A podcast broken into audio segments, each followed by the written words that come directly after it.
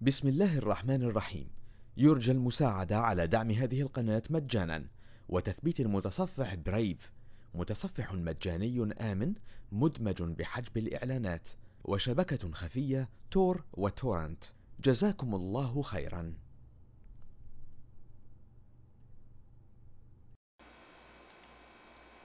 بسم الله الرحمن الرحيم. والصلاة والسلام على رسوله الأمين محمد صلى الله عليه وسلم. إخواني مهندسي الشبكات في العالم العربي السلام عليكم ورحمة الله وبركاته. أرحب فيكم أنا أخوكم حسن صالح مرشد من الشبكات الرقمية في الفيديو الخامس والخاص بمنهج ال Security Plus. شاهد تعلم واستمتع. هذا الفيديو راح يكون نهاية الفصل الأول وراح يكون عبارة عن أسئلة مراجعة الفصل الأول المفاهيم العامة للحماية. ونبدأ مع السؤال الأول. من الخيارات آه، التالية والمتعلقة بأنواع الحماية؟ ما هو القلق لقيام شخص بسرقة خادم من الموقع؟ إحنا عندنا مثلا سيرفر موجود في الموقع. آه، حكاية إن إحنا نخاف من إنه ينسرق تصنف ضمن إيش؟ راح تصنف طبعا ضمن الخيار A اللي هو ال physical security الحماية الفيزيائية. يعني الحماية في داخل الموقع نفسه. آه، مثلا ال server هذا المفروض إنه يكون موضوع مثلا في داخل غرفة سيرفرات أو غرفة الأجهزة الخاصة بالشبكة آه، يكون مغلق عليه يكون مثلا المفتاح تبع الغرفة أو يكون عن طريق كرت ممغنط يتم الدخول إليها لبعض الأشخاص المصرح لهم فقط. يكون في كاميرات يكون على البوابة مثلا في حراسة إلى آخره. آه، مش يعني بوابة السيرفرات ممكن في بوابة الشركة بعد الانصراف مثلا. فهذه كلها تصنف ضمن الحماية الفيزيائية. السؤال الثاني. ما هو من التالي من أنواع مهاجمي الشبكة؟ آه نشوف الخيارات مع بعض. عندي الخيار الصحيح عندي السي والدي الوايت هات هاكر والبلاك هات هاكر آه اللي هو المخترق آه الأبيض أو صاحب القبعة البيضاء وهو يرمز إلى شخص يكون متمكن في عالم الاختراق, آه الاختراق الشبكات ويكون عنده علم قوي جدا في عالم الشبكات. ولكن هو ما بيستخدم هذه أو هذا العلم ما بيستخدمه في الشر وإنما بيستخدمه في الخير. بيستخدمه لأجل الحماية وليس لأجل تهديد الشبكة. بحيث من خلال خبرته باختراق الشبكات ونقاط الضعف وخلافه هو بيفحص الشبكة ويكتشف الثغرات ويقوم بسد هذه الثغرات ودائما يحسن من أداء الشبكة كأمنيا. وبالتالي زي ما إحنا شايفين هنا هو صحيح مخترق عنده المعلومات الخاصة بالإختراق ولكنه بيجندها في الحماية وليس في التهديد. البلاك هات هاكر أو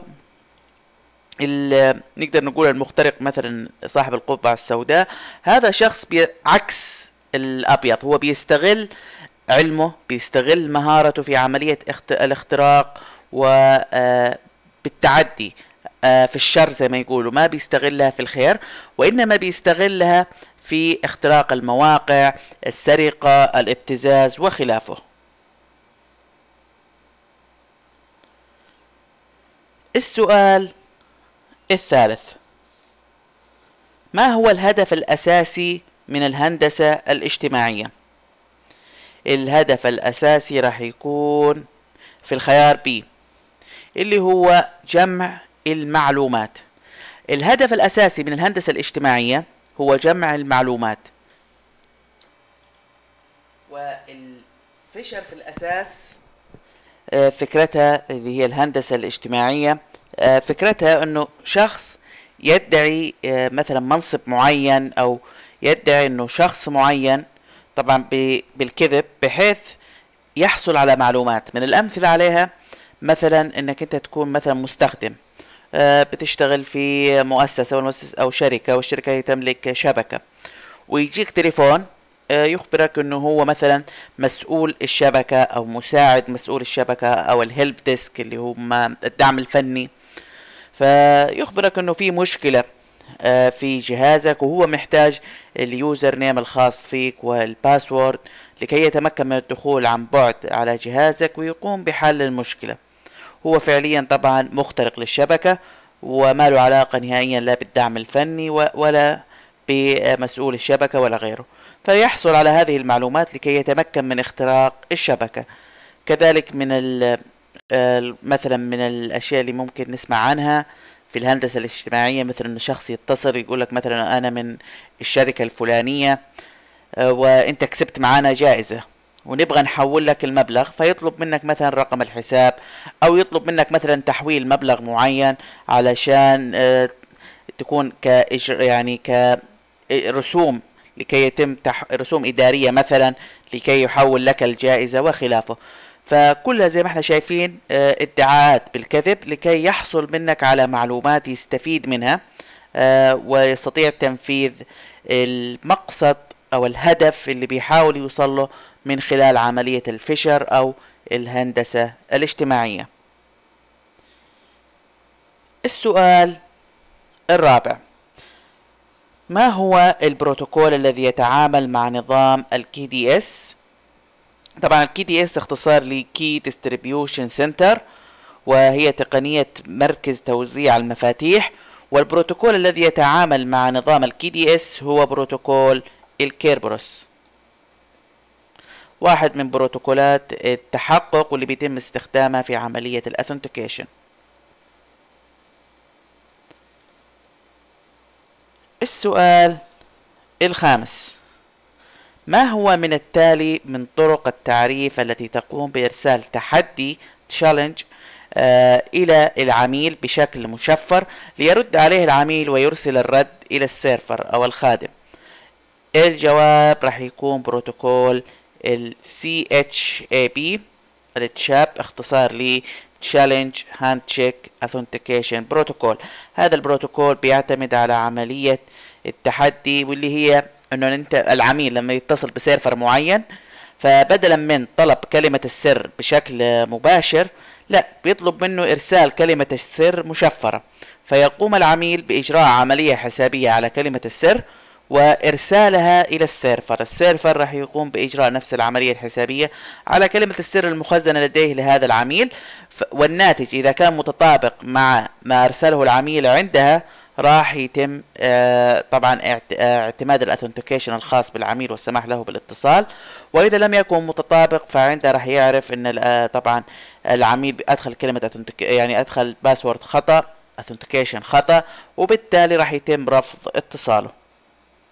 الميزة من ذلك إنه لو كان هناك من يتجسس على الاتصال أو مخترق للاتصال فيما بين ال client وال server فيما بين العميل والخادم آه عندها راح يحصل على نسخة من البيانات ال authentication اللي بيتم تبادلها فيما بين الطرفين ولكن راح يحصل عليها مشفرة وبالتالي ما راح يتمكن من الاستفادة منها. السؤال السادس. قيمة البيانات الخاصة بالشركة ارتفعت وصارت أكثر أهمية. أنت في حاجة لتطبيق آلية تعريف تناسب ارتفاع أهمية بيانات الشركة. ما هو من التالي من طرق التعريف أو الاثنتيكيشن تستخدم أكثر من آه، يعني تستخدم أكثر من طريقة واحدة في عملية الدخول. حسب الخيارات الموجودة عندي الخيار A هو الخيار الصحيح ال multi-factor هذه الآلية في ال authentication بتسمح بأنه يتم استخدام أكثر من طريقة في عملية ال authentication مثلا أن المستخدم قبل ما يدخل على الشبكة ويستخدم مثلا جهاز معين ينبغي عليه مثلا أنه يقوم بإدخال بصمة اليد. فإذا كانت صحيحة عندها يتم طلب كلمة السر فيقوم بإدخال كلمة السر. هذه هي فكرة أنه آه يتم طلب أكثر من طريقة في عملية الأثنتيكيشن آه وليس الاكتفاء بطريقة واحدة. طبعا زي ما إحنا شايفين تعتبر أكثر أمان.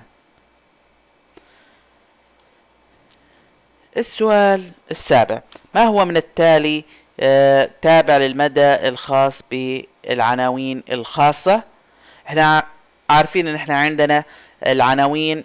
العناوين ال IP addresses بتنقسم إلى قسمين أساسيين. عندنا عناوين عامة public IP addresses وعندنا private IP addresses عناوين خاصة.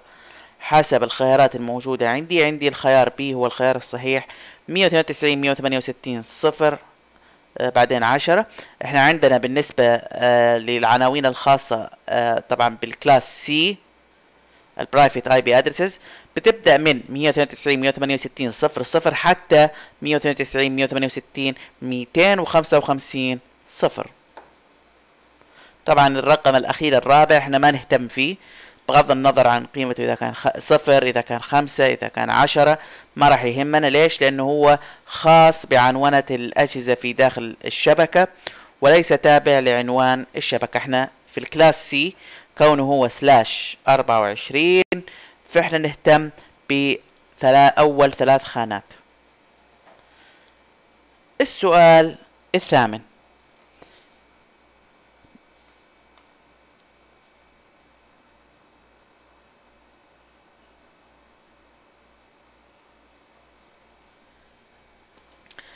بعد أن تم ضم آه، شركة أخرى منظمتك آه، آه، في وضع خاص قامت بإنشاء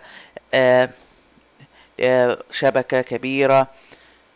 وأنت تريد ميزة أنه يكون في المنظمة تطبيق ل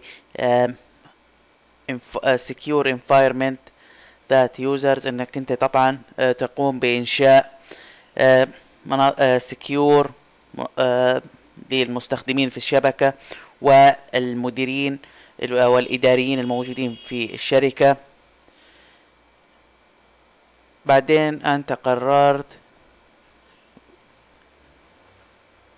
طبعا سؤال بيحاول يتوه لكن فعليا هو هنا اللي يبدأ السؤال.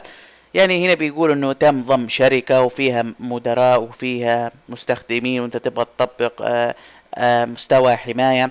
فأي من التالي ليس مثال من أنواع ال security zone أو من المناطق الآمنة. إحنا تكلمنا عن المناطق الآمنة وذكرنا إحنا عندنا الإنترنت وعندنا آه ال extranet وعندنا الإنترنت الداخلية. الخيار دي هو الخيار الصحيح. طبعا النات ليست is not an example of type of secure zone. ليست من نوع من أنواع آه، مناطق الحماية أو أنواع مناطق الحماية. لأن النات هي عبارة عن تقنية من خلالها بيتم ترجمة العناوين الخاصة إلى عنوان عام لكي تتمكن الأجهزة من الموجودة في الشبكة المحلية من أن تتصل بالأجهزة الموجودة في الشبكة آه، العامة لشبكة الإنترنت. السؤال التاسع. ما هو من البروتوكولات التالية تسمح للشركة أو المنظمة بأن يتم تمثيلها بعنوان TCP/IP آه واحد لكي تتمكن أو يتم استخدام آه يتم استخدامه لكي تتمكن آه العناوين الخاصة من أن تتصل بالإنترنت من خلال الشبكة المحلية. طبعا مباشرة الجواب حيكون الخيار A ال NAT ال network address translation. هذه التقنية بتجعلنا يعني هدفها الرئيسي إنها تجعل الأجهزة الموجودة في الشبكة المحلية واللي تملك عناوين خاصة تكون قادرة على إنها تتصل بالأجهزة الموجودة آه طبعا من خلال شبكة الإنترنت أو إنها تتصل بشبكة الإنترنت نفسها. واللي لا يتم قبول العناوين الخاصة وإنما يجب أن تكون عناوين عامة. طبعا النات بيقلل من استهلاك العناوين العامة بحيث أنه ممكن عنوان عام واحد يسمح لجميع الأجهزة الموجودة في الشبكة بأنها تتصل بشبكة الإنترنت. طبعا هذا الهدف الرئيسي. آه الهدف الثاني الفرعي للنات هو يوفر حماية للأجهزة الموجودة في داخل الشبكة من أنها تتصل بشكل مباشر مع شبكة الإنترنت.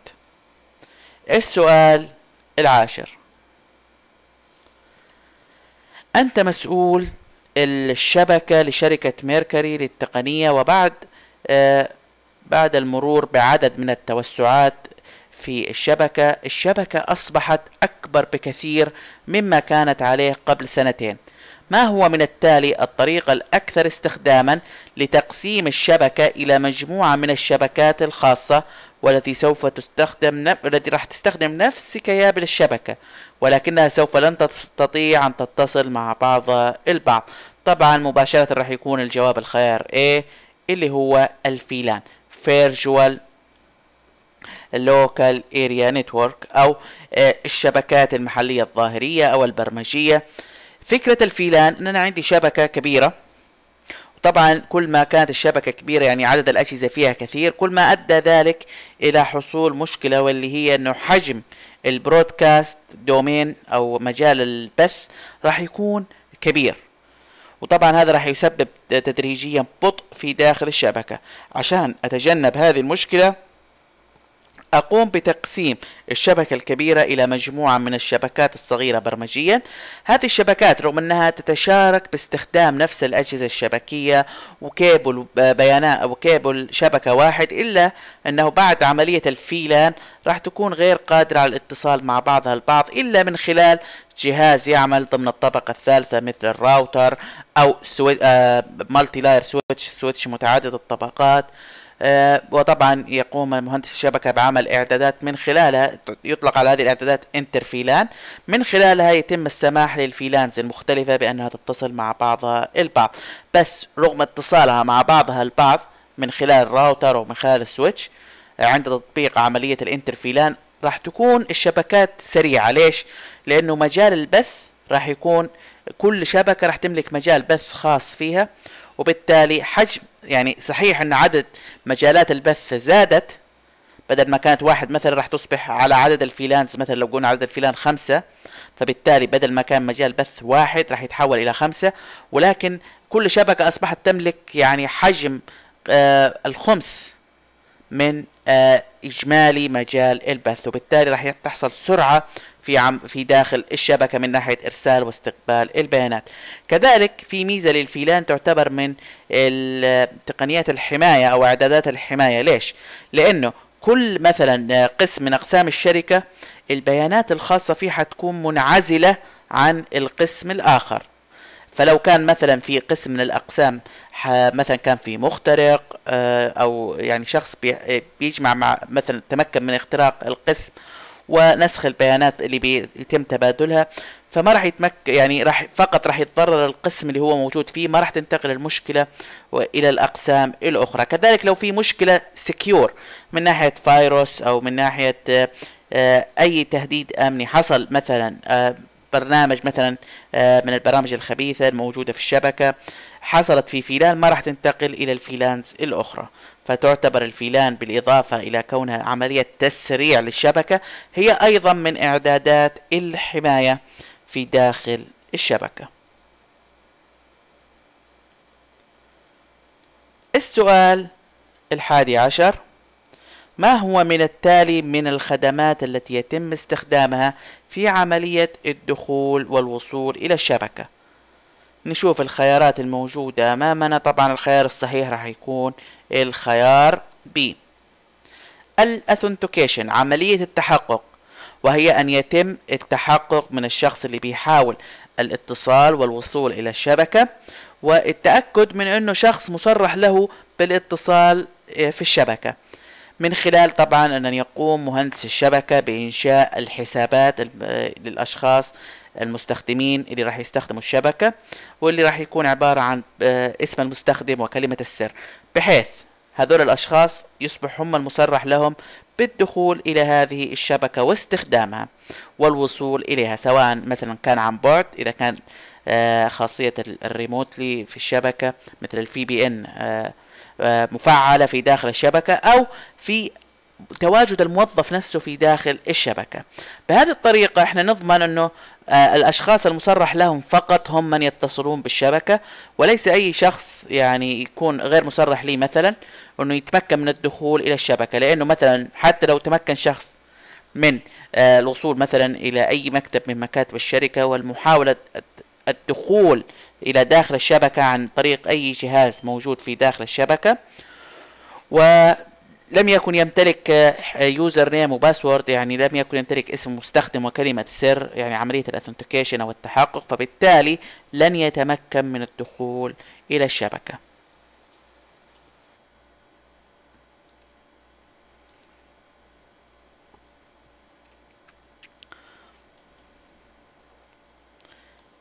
السؤال الثاني عشر.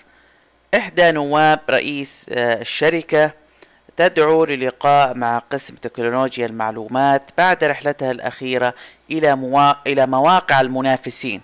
وذكرت من أن العديد من الشركات التي زارتها لا تمنح الوصول إلى مبانيها إلا بعد مسح بصمات الأصبع وقالت أنها تريد تكنولوجيا مماثلة في الشركة والتي تعتمد على العنصر الفيزيائي للاستخدام في عملية المصادقة.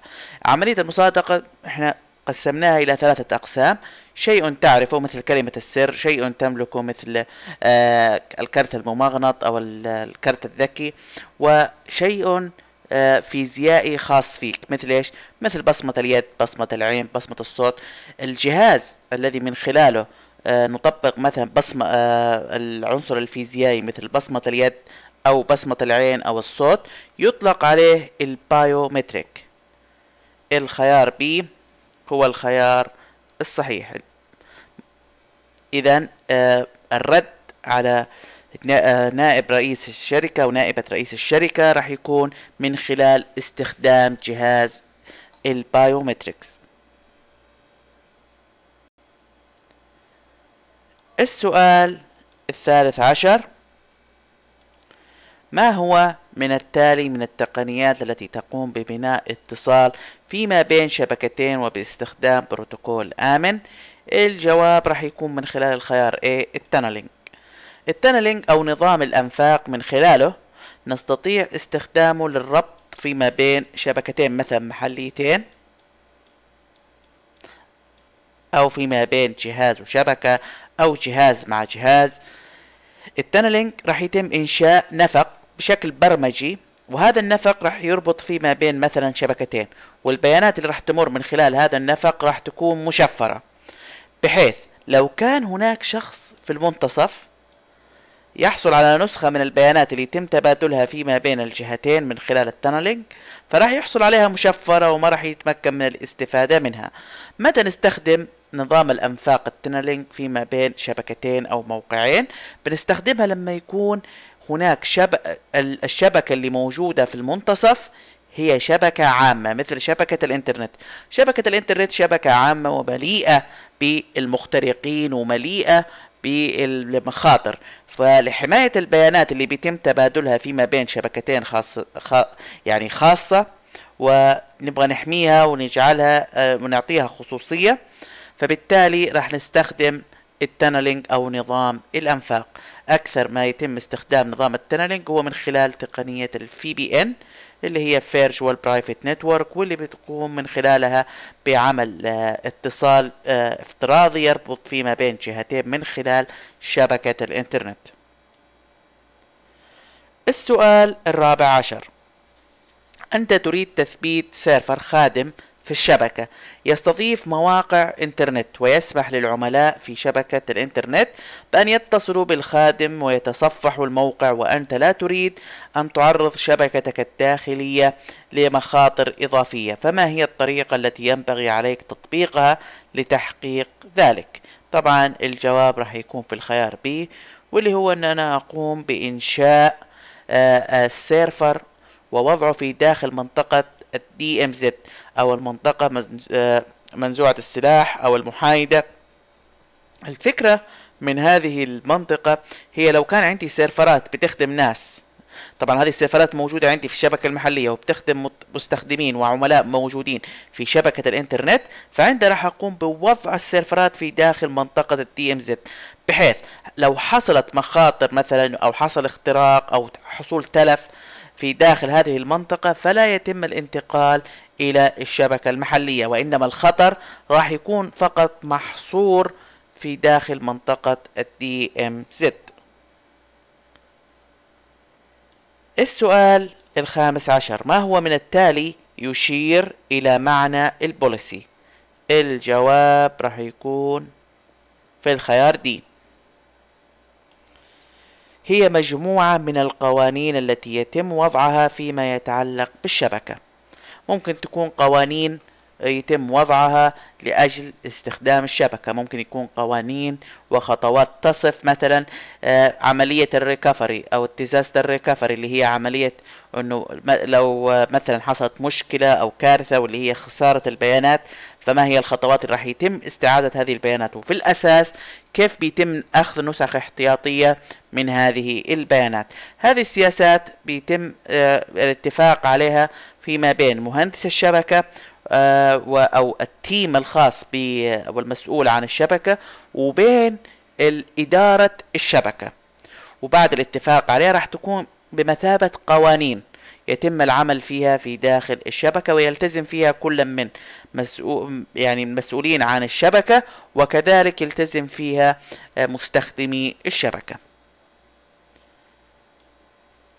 السؤال السادس عشر ما المقصود بخطة التعافي من الكوارث الجواب الصحيح راح يكون في الخيار آه، واللي هو آه، خطة التعافي من الكوارث ال disaster recovery plan هي أن. آه، هي كيفية استعادة البيانات بعد فقدانها السؤال السابع عشر. ما المقصود بالإتاحة؟ ال availability. الإتاحة أو التوافرية المقصود فيها في الخيار D. وهي أن تكون الشبكة أو الخدمة التي يقدمها جهاز الخادم متاح اللي هو جهاز ال server. يعني مثلا أنا لو حنتكلم عن الإتاحة على مستوى السيرفرات أنا قمت بإحضار server.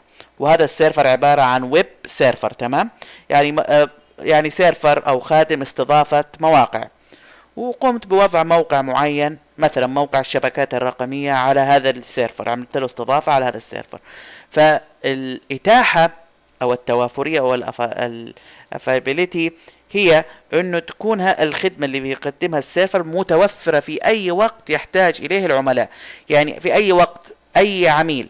أي شخص أي مستخدم يريد الاتصال بالشبكات الرقمية المفروض إنه يلاقي الشبكة موقع الشبكات الرقمية موجود. كذلك أنا لما أنشئ شبكة في داخل المؤسسة مثلا أو الشركة آه، فكرة التوافرية أو الإتاحة إنها تكون دائما شغالة وإنها ما تتعطل هذه هي فكرة ال... إن يكون الشيء متوفر ومتاح في عالم آه، الشبكات والتقنية. السؤال الثامن عشر. ما هو من التالي من أبسط أنواع ال authentication آه من أبسط أنواع ال authentication راح يكون الخيار A اللي هو ال PAP. اختصار ل password authentication protocol فكرته هي آه، ك username password ويتم إرسالها بشكل غير مشفر clear text من العميل مثلا إلى ال server وبالتالي لو كان هناك مخترق في المنتصف وحصل على نسخة من عملية ال authentication فراح يحصل عليها clear text واضحة وراح يتمكن من فهمها والاستفادة منها. لذلك تعتبر حاليا غير مستخدمة بكثرة آه، كانت تستخدم سابقا. فأبسط أنواع ال authentication هو بروتوكول ال PAP ال password authentication protocol. السؤال التاسع عشر. ما هي التهديدات الداخلية؟ إحنا عارفين إن التهديدات بتنقسم إلى قسمين. في عندنا ال internal threats أو التهديدات الداخلية وعندنا ال external threats أو التهديدات الخارجية.